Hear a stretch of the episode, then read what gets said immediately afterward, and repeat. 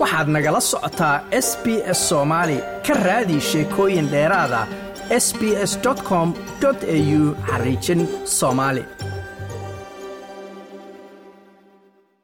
iyadoo dhowaan magaalada beledweyne ee xarunta gobolka hiiraan ay ka dhaceen ilaa iyo saddex qarax oo aad u xoog badan kaasoo waxyaalo dhimashay dhaawac iyo burbur hantiyadeed geystay ayaa madaxweynaha maamulka hirshabeelle cali guudlaawe iyo wafdi uu hogaaminayo waxa uu gaaray magaaladaasi beledweyne ee xarunta gobolka hiiraan halkaasoo kulamo uu kula qaatay madaxda maamulka iyo sidoo kale qaybaha amniga ee magaaladaasi.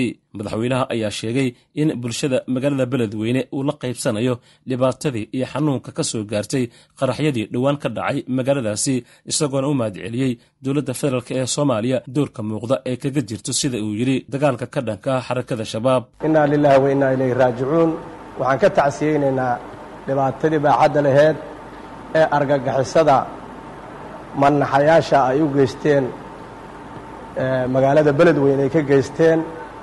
Waxaan leenahay intii dhimatay ilaahay ha u naxariisto intii dhaawacantana caafimaad deg deg allaha siiyo. Hadday tahay ciidamadii admis hiil walaal intii ku dhimatay iyagana waxaan leenahay ilaahay maaragta jannaha ka waraabiyo intii ku dhaawacantana.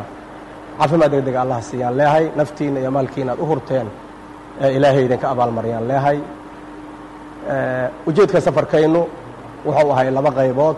Qaybta koobaad xaaladda iyo xanuunka iyo tacsida ka jirta beledweyne inaan la qaybsanno ummadda ku nool magaalada iyo dhibaatadii dhacday inaan la qaybsanno murugada laheyd waayo qodobka koobaad waxaan leehay dhibaatada ay dhigeen nimankaanu. Waxaa ka keena xanuunkii ku dhacay dagaaladii isdabajooggaah iyo khasaarooyinkii ka soo gaaray ee deegaano badanna gacantooda looga bixiye dad badanna oo uga le'day ayaa keentay xanuunka inay magaalooyinka iyo meesha shacabka u badan yahay inay ka aargoostaan. Waa nimana naxaynin. Insha allah inta ku dhimatana waa shahiid. Ilaahay jannaha ka waraabiyo intii dhaawacantana ilaahay caafiyo inta kalena sharafay ku noolaa doonaan. Haddii ilaahay raalli ka noqdo runtii waa u mahad celinaynaa. Dowladda federaalka gacanta muggalahay ka geysatay. Sidii nimankan culeyskooda laysaga dulqaadi lahaay madaxda dalka oo madaxweynaha ugu sarreeyo ra'iisul wasaarehu ku xigo iyo guud ahaan cid kasta ee gacan ka geysatay sidii shabaab dad dalka looga saari lahay waxaan leenahay ilaahay idinka abaalmariyo madaxweynaha hirshabeelle waxa uu sheegay inay sii wadi doonaan dagaalka ka dhanka al-shabaab kaasoo sida uu yidhi iminka ka bilowday gobolka shabeella dhexe oo ka tirsan maamulkiisii hirshabeelle shalay waxay dhihi jireen bulshadaan ku dhex nool nahay malaayaan nahay bulshadaan ku dhex gambannaa. Maanta waxay joogaan bulshadii iyagu inay colloobaan inay bulshadii baabi'iyaan. Waa geedka ugu dembeeyey ayay ka baxeen. Runtii waana la dhammaystira haddii ilaahay raalli ka noqdo.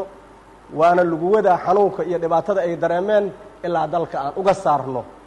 Haddii ilaahay raalli ka noqdo ujeedkaynana inaan abaabulkii iyo dadaalkii iyo dagaalka socda aan dhirri gelinno waayey insha allah haddii ilaahay raalli ka noqdo waana ka bilaaba gobolka shabeellada dhexena sidoo kale uga bilowday nimankan haddii inta hiiraan ka dagaalahe ku qabatay intaas iyo in ka badanna shabeellaha dhexey ku qabanaysaa dagaalkuna waa ku socdaa waana layska horgeynayaa.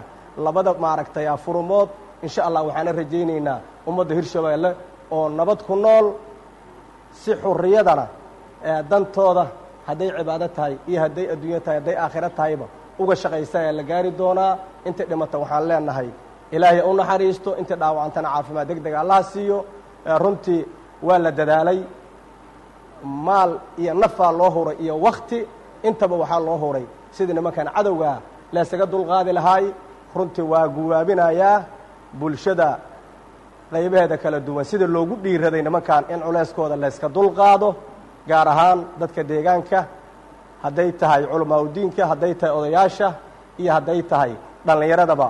Qoryahooda u qaatay qoragooda qaatay naftooda iyo maalkooda u huray siday culeyska isaga dulqaadi lahaayeen. Magaalada beledweyne gaar ahaan xerada lamagalaay ayaa waxaa ka dhacay qaraxyo ismiidaamin aad u xoog badan oo loo adeegsaday gaadiid walxaha qarxa laga soo buuxiyey halkaasoo ay ka dhasheen dhimasho in ka badan soddon qof halka afartameeyo kalena ay ku dhaawacmeen. Dhinaca kale wasiirka arrimaha gudaha dowladda federaalk ee soomaaliya axmed macalin fiqi oo shir jaraa'id ku qabtay magaalada muqdisho ayaa sheegay in aan loo dulqaadan doonin ganacsatada u dhegan nugul sida uu yidhi amarada al-shabaab iyadoona dowladda dhowaan ay sheegtay in aan lala macaamili karin al-shabaab islamarkaana ganacsatadu aysan siinin lacago ay sheegeen in ay ka qaadaan. Wasiirka ayaa fariin adag u diray ganacsato iyo dad uu sheegay in ay amarka al-shabaab dartii u hakiyeen. Dhismayaal ka socday muqdisho iyo hareeraheedii sida uu yidhi shirkan jiraa'id oo maanta halkan wasaaradda xarunta wasaaradda aan ku qabanayo arrimaha gudaha iyo dib u heshisiinta wuxuu la xidhiiraa fariimo nooga imaanayay iyo cabashooyin dad soomaaliyeed nooga yimid oo runtii quutul yoomkooda ka heli jiray. Dhismayaasha ka socda meelo ka mida gobolka banaadir iyo hareerihiisa.